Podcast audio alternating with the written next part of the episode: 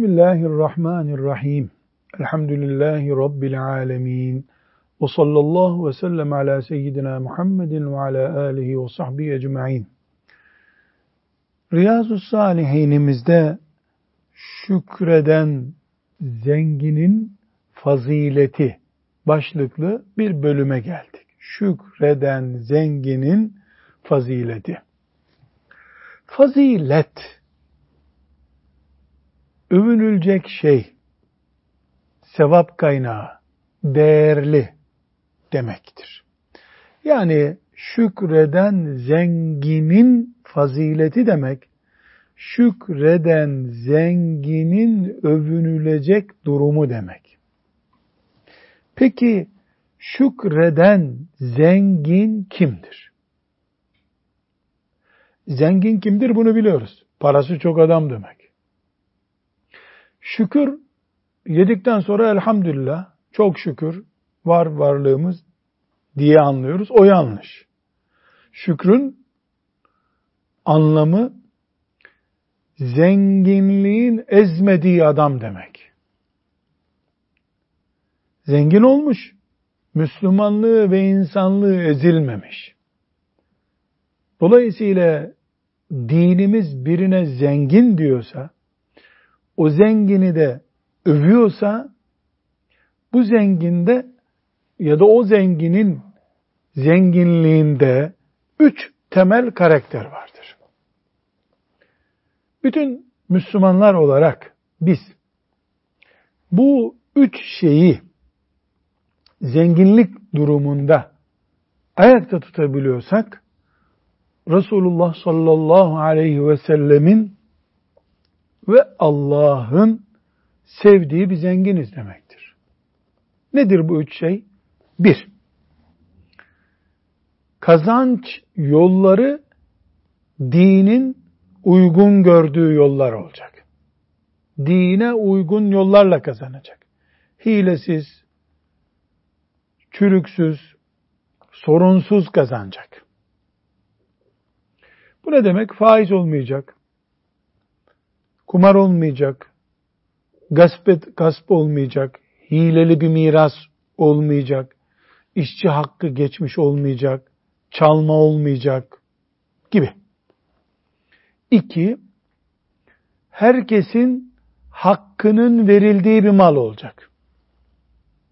Herkes kim? Allah evvela. Allah'ın hakkı var malda. Zekat var. Ana babanın hakkı var. Nafakaları sağlanacak ana babanın. E çocukların hakkı var. Eşin hakkı var. İşçi çalıştırıyorsa işçinin hakkı var. Ticaret yapıyorsa müşterinin hakkı var. Mal satın aldığı yerin hakkı var. Yani Allah'ın ve kullarının hakkı ödenmiş olacak o malda. Üç, harcarken helal harcayacak. Şimdi helal kazandı. Ne Allah'a ne kullara borcu yok. Ama harcarken haram yerlere harcıyor. İsraf ediyor. Şükreden zengin değil o. Çünkü şükür Allah'ın helal kıldığı, mubah ettiği yerlere göre harcadığın zaman şükretmiş olursun. Öbür türlü israf etmiş olursun. Kendi paran da olsa kimsenin onda hakkı olmasa da e Allah sadece kazanırken helal kazanın demiyor ki harcarken de helal harcayın diyor. Tamam benim bin liram vardı. Bu bin lirayla yüzde yüz helal kazanmıştım. Onun bunun herkesin hakkını verdim. Zekatımı da verdim. 700 liram kaldı. 700 lira yüzde yüz benim. Gittim 100 lirasını israf olacak bir yerde harcadım. Son noktada yüzdük yüzdük sonuna geldi. Şükür eden zengin kul olma hakkını kaybetti. Çünkü şükür helalinden kazanmak, hak bekletmemek, uygun harcamaktır. Uygun harcayamamak, şükre engel. Tıpkı haram parayı kul hakkı bulunan parayı, zekatı verilmemiş parayı, ne kadar elhamdülillah, şükürler olsun ya Rabbi deyip, herkes elhamdülillah dersen elhamdülillah Rabbil Alemin deyip Fatiha'yı okuyorsun üstelik. Gene şükreden olmuyorsun ki. Haram şükürle temizlenmez çünkü. Onun için şükreden kul deyimi çok kullanılır. Şükreden kulun bir ecir hazinesi olduğu, yani tıpkı sabah namazı kılar gibi, Ramazan'da oruç tutar gibi, Kur'an-ı Kerim okur gibi, umreye gider gibi, zenginlikle de insan Allah'ın rızasını kazanabilir. Buna şükreden zengin diyoruz. O zaman şükreden zengin kimdir? Mubahtan kazanacak, helalden yani. Ve Allah'ın kulların hiçbirinin hakkı bulunmayacak o malda, vermiş olacak, uygun yerlere harcayacak. Uygun yer kelimesini açabiliriz. Neresidir uygun yer? Cami harcayacak demek mi? Hayır. Hayır. Evine harcayacak. E peki çok güzel İstanbul'da bir dairesi var. Tuttu Bolu ormanlarında bir yazlık daha yaptırdı. Caiz mi? Caiz tabi. İlâfîm rihlete şitâi ve sayf. Yaz kış evi olur Müslümanın. E peki e, bu israf değil. Evi var. Tuttu bir ev daha aldı. O eve taşındı. Burayı kiraya verdi. E kirasının zekatını verecek zaten. Sıkıntı yok. Sadece millet ne dedi, ne der diye yaptığı harcamalar. israf. Şarkıcıya, türkücüye yaptığı harcama israf. Riya olsun diye yaptığı harcamalar israf. Yanlış. Düğünde israf edip yemekleri çöpe attıracak harcamalar yapması israf. Yoksa allah Teala mal verdikçe kulun gırtlağının genişleyeceğini de biliyor. Bir sıkıntı yok bunda. Sıkıntı çöpe attığın zaman, sıkıntı insanların ne diyeceğini Allah ne diyecek gibi ciddiye aldığın zamandır. Harama parmak uzattığın zamandır sıkıntı. İnşallah e, şükreden zenginden ne anlaşılıyor? Anlaşıldı değil mi Salih Hocam? Peki. Şimdi bu bölüme Nebevi Rahmetullahi Aleyh ayetler koymuş. Leyl suresinin 5. ve 7. ayetlerini koymuş. Onları meallerini okuyalım. Her kim verir, fenalıktan sakınır ve en güzeli doğrularsa ona mutluluk yolunu kolaylaştırırız. Yani en güzeli nedir en güzel? Kelime-i tevhid. Allah'ın sözü. Kur'an-ı Kerim. Yani Kur'an ehli, Kur'an'a iman ediyor, e, hakları veriyor, haramda işlemiyor, Allah onun yolunu açar. Yine Leyl suresinin 17-21. ayetlerini okuyalım. Kötülükten sakınan, malını hayra sarf ederek özünü temiz tutan kimse cehennemden uzak kalır. Haram işlemiyor, malını da hayra harcıyor. O şahıs yaptığı iyiliğe karşılık kimseden mükafat beklemez. Aa, ufak tefek iyilikler için veya büyük iyilikler için de minnet tutturmaz insanlara. Ancak Yüce Rabbinin rızasını kazanmaya çalışır.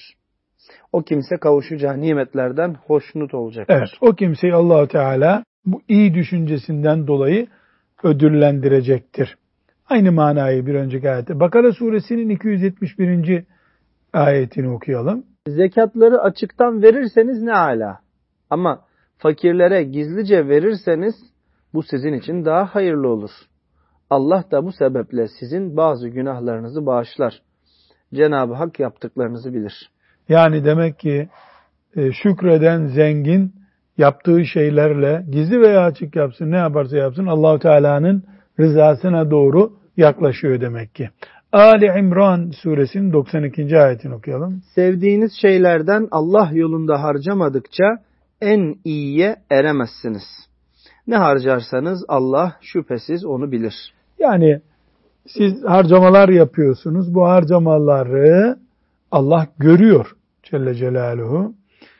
Ee, burada bu örneği vermek bile hiç hoşuma gitmiyor ama işte filan yerde e, sel oluyor vesaire.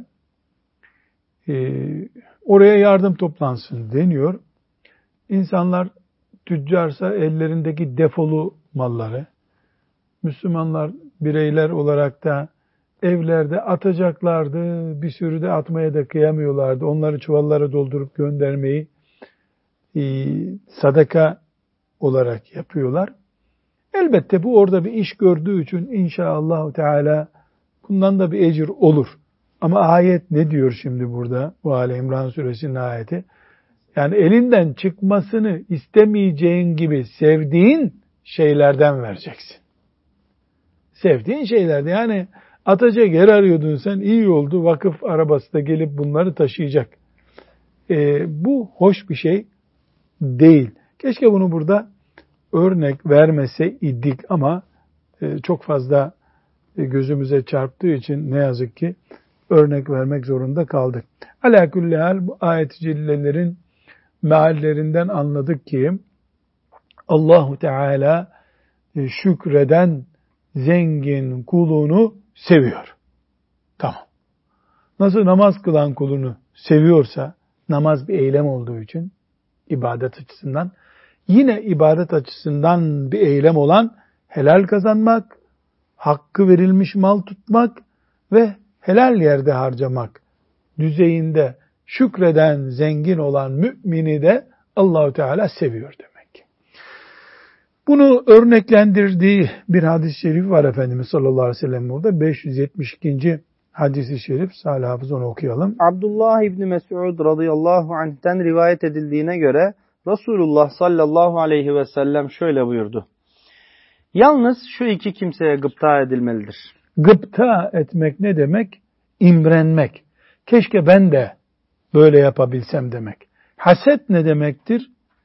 Niye onun var? Onun olmasın, benim olsun demektir.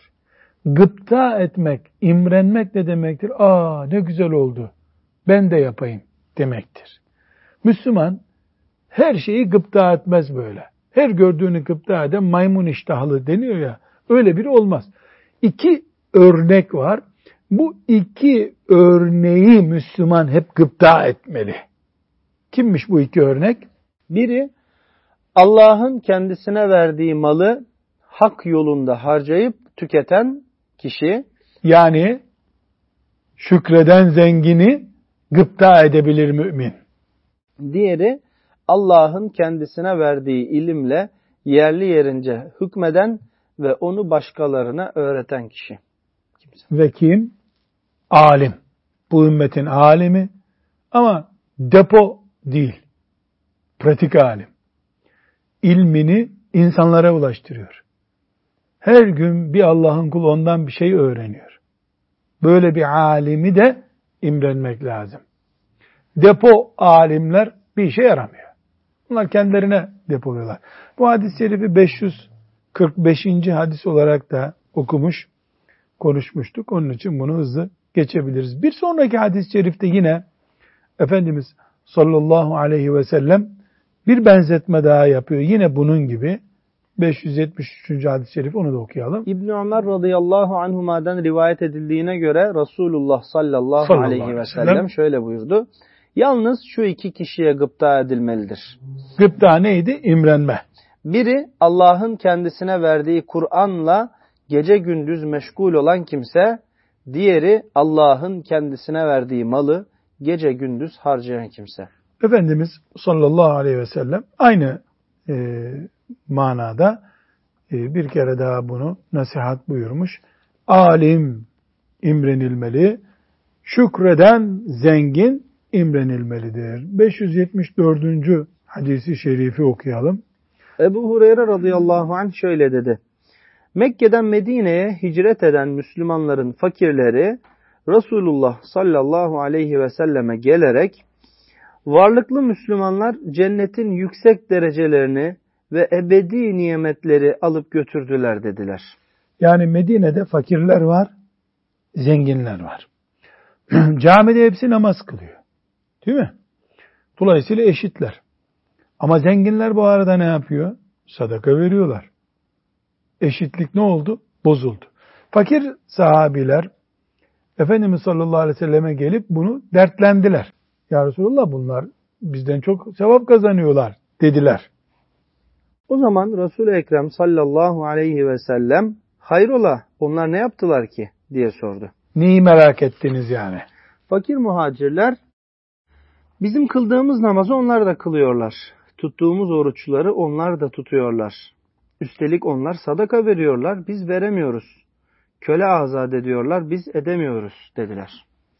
Yani zenginin yapabildiği, fakirin yapamadığı işler var. Aramızda fark oluşturuyor bunlar. Resulullah sallallahu aleyhi ve sellem onlara sizden önde gidenlere yetişebileceğiniz, sizden sonra gelenleri geçebileceğiniz, sizin yaptığınızı yapanlar dışında herkesten üstün olacağınız bir şeyi haber vereyim mi? diye sordu. Yani madem derdiniz budur ben size bir şey söyleyeyim. Bunu yapın. Onları da geçin. Gelecektekileri geçin. Ancak bunu kim yaparsa onu geçemezsiniz. O da sizin gibi kazanmış olacak çünkü. Evet söyle ya Resulallah dediler. Resul-i Ekrem sallallahu aleyhi ve sellem şöyle buyurdu. Her farz namazın peşinden 33'er defa Subhanallah, Allahu Ekber, Elhamdülillah dersiniz. Birkaç gün sonra fakir muhacirler Resulullah sallallahu aleyhi ve selleme tekrar gelerek zengin kardeşlerimiz bizim yaptığımız tesbihleri duymuşlar. Aynını onlar da yapıyorlar dediler. Şimdi fakirlere ipucu verdi Efendimiz sallallahu aleyhi ve sellem. Zenginler baktılar ki bunlar Subhanallah diyor. Onlar da dediler. Ne oldu? Gene eşitlik bozuldu. Bunun üzerine Resulullah sallallahu aleyhi ve sellem şöyle buyurdu. Ne yapalım? Artık bu Allah'ın bir lütfudur. Allah lütfunu dilediğine verir. Evet. Bu Allahu Teala'nın bir lütfu. Nasıl bir lütfu? E ya ona zenginlik vermiş. Karşılığında da ona Allahu Teala bir sürü büyük imtihanlar yapacak. Onun e, nimet de var elinde. O nimetin hesabı da var. Dolayısıyla bu oldu bir defa. Siz devam edin manasında. Buradan şüphesiz ashab-ı kiramın gündemine dikkat ediyoruz biz. Gündemleri ne? Daha çok hayır yapmak. Onun sevapları, onun kazandığı işte, o ne yaptı Allah için, ben ne yaptım gibi büyük bir gündemleri var. Ne yazık ki bu gündem farkını biz başka şeylerle herhalde değiştirdik ee, ya da anlayamıyoruz değiştirdiğimizi bile. İkinci bir şey bu hadisi şerifin bütününden anlaşılıyor.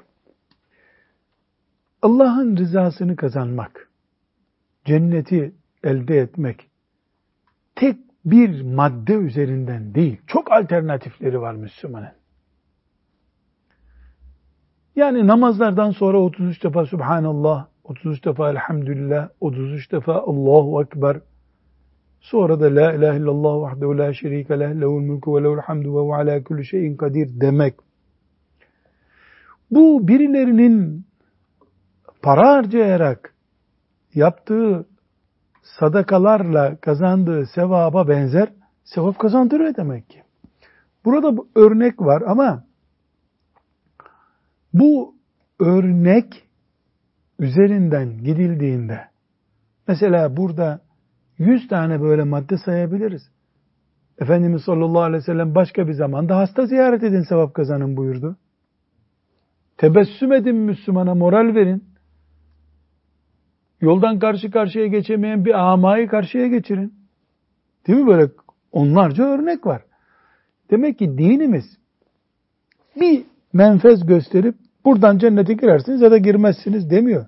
Farzlar herkesin ortak payı zaten. Zengin para versin, pazusu güçlü olan, bileği güçlü olan gitsin, şuna yardım etsin. Tatlı söz söyleyebilen gitsin hastaya moral versin. Bir çocuğa bir Fatiha öğretsin. Yani o kadar yapılacak iş var ki tıkanmamak lazım demek ki. Ama Allahu Teala'nın farklı olarak verdiği meziyetler, kabiliyetler, irdeleme konusu olursa e, buna yapacak bir şey yok buyurmuş Efendimiz sallallahu aleyhi ve sellem. Onları da Allah öyle imtihan edecek. Siz fakirliğinize kazanacaksınız. Onlar zenginlikleriyle kazanacaklar buyurmuş. Yani e, ikinci defa karıştırmaya kalkınca onlar gelin size bir çare daha öğreteyim buyurmamış. E burada durun. Burada durun. Çünkü o da zenginliğiyle zahiren çok sevap kazandı görünüyor ama kim bilir belki de kazanamamıştır. Şükreden zengin oldu mu acaba? Olabilecek mi? diye düşünülür. Buradan bu hadisi şeriften ben bir incelik daha çıkarıyorum. Müslüman merak ettiği şeyi sormalı demek. Allah bu fakir sahabilerden razı olsun.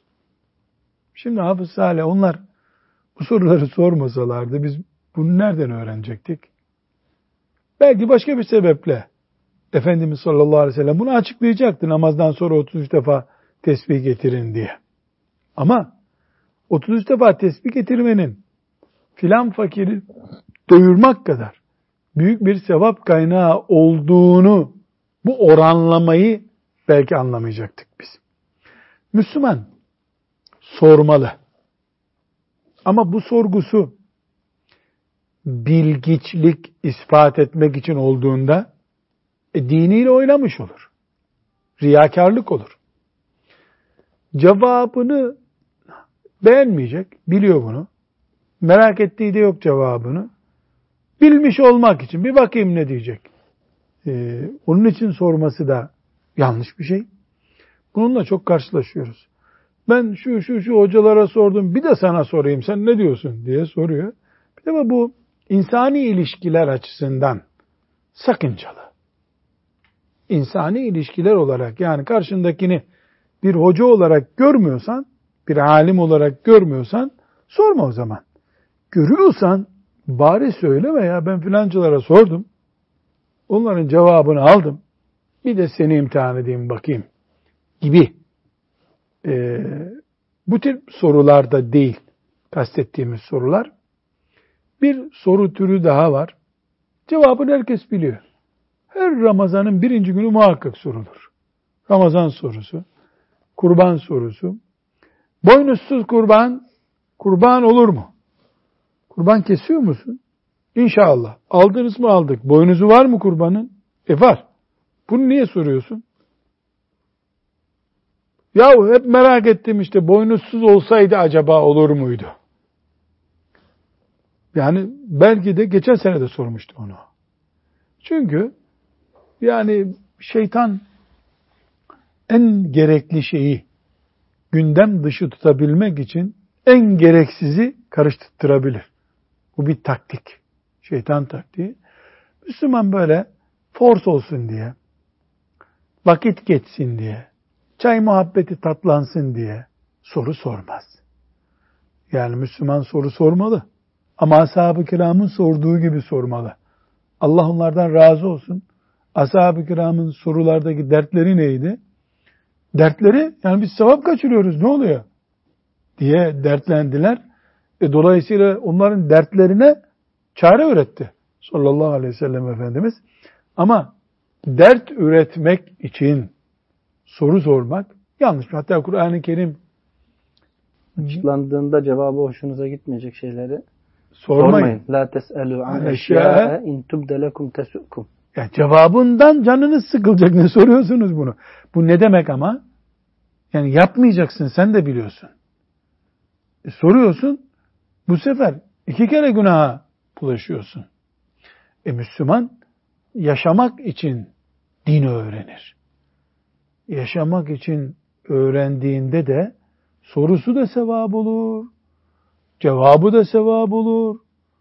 Cevap veren de kazanır. Cevabı alan da Allah'tan kazanır. Bu sebeple bu soru meselesini mümkün olduğu kadar e, Müslümanın e, ciddiye alması gerekir diyeyim en azından. Hatta böyle bir ders yapmayı bile düşünüyorum. Soru nasıl sorulur, cevap ne yapılır? Şimdi bir örnek olsun bizi dinleyen genç kardeşlerime de e, nasihatimiz olsun. İnşallah bizi rahmetle ve hayırla yad ederler. Yakın bir zamanda e, kalabalık ilahiyat fakültesi öğrencileri geldi. Baktım yüzlerinden nur damlıyor. Çok güzel. Dediler hocam bize ne kadar vakit ayırabilirsin? Ne için dedim. Biz işte birikmiş sorularımız var. Onları soracağız.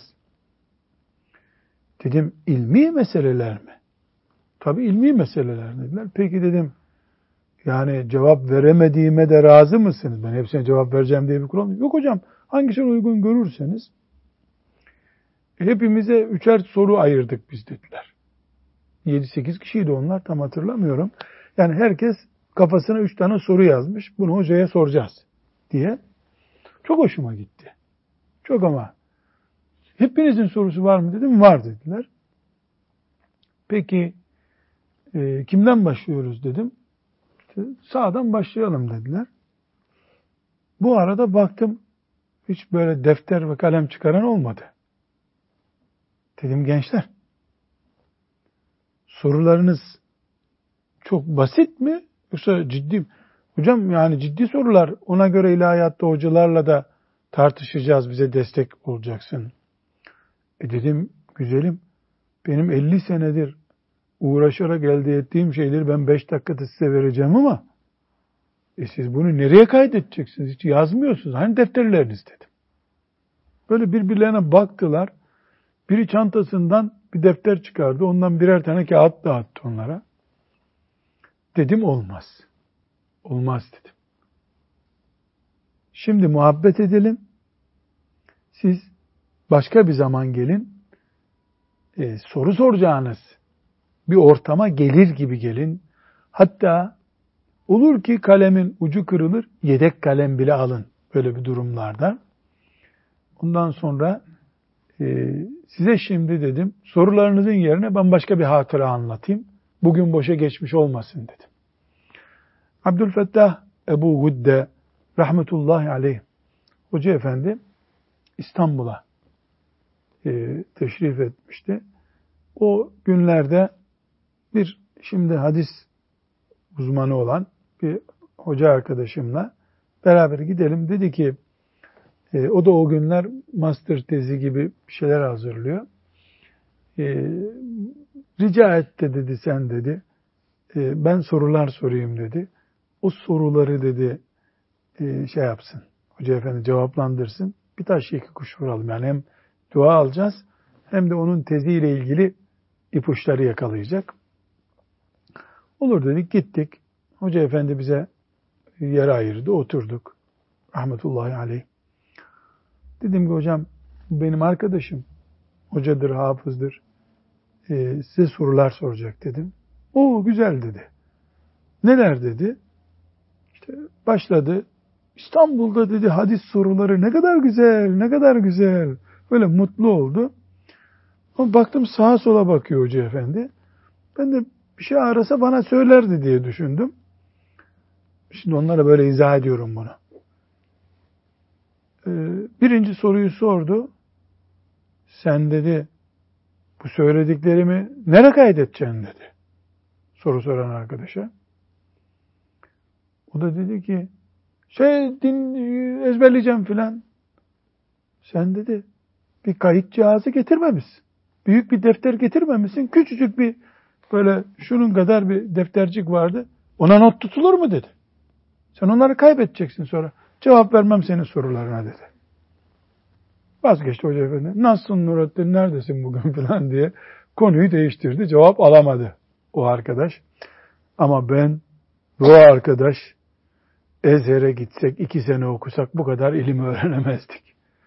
Ben ondan sonra çift kalem taşımaya başladım. Çünkü orada anlattı bu sefer.